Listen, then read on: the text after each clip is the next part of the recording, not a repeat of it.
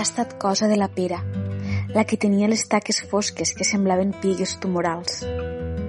L'he agafat perquè em feia llàstima i l'he acariciat sutilment perquè l'abandó i la indiferència són, al meu parer, les malalties més cruels de l'ànima. Me l'he volgut emportar.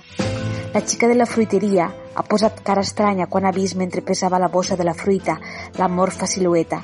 M'ha dit moltes coses amb la mirada, he dissimulat, centrant l'atenció amb els espàrrecs verds d'oferta que hi havia al costat dret del mostrador.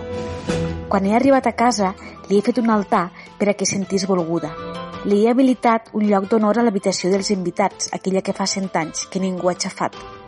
He muntat una taula de fusta vella, l'he cobert amb unes estovalles marrons treballades i emmidonades i he omplert la taula amb verges de guix. També he posat un cris crucificat, 18 espelmes roges, un pom de roses blanques i un rosari que em va portar la tieta quan va anar de viatge al Vaticà i li anava cantant cançons de missa mentre preparava el ritual.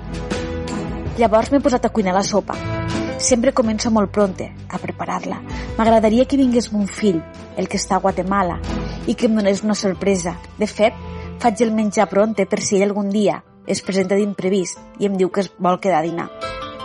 Mentre estava tallant l'àpid, he sentit alguna cosa ensordidora, com si un avió hagués aterrat al bany. M'he girat lentament, com per a donar temps al món, per a detenir el que estava passant. I llavors, Mare de Déu del cel, semblava gloriós.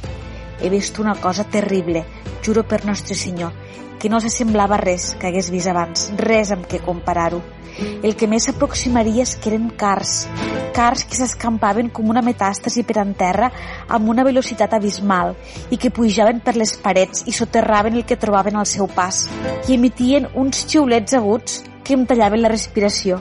M'anava ofegant amb l'olor de podrit i amb un fil de veu anava dient no li metangere, no li metangere, perquè això ho vaig llegir a l'Evangeli de Sant Joan i jo esperava el miracle davant d'una mort imminent. Llavors m'he quedat inconscient, potser una hora, potser deu, i quan m'he revifat, la sopa ja estava cuita.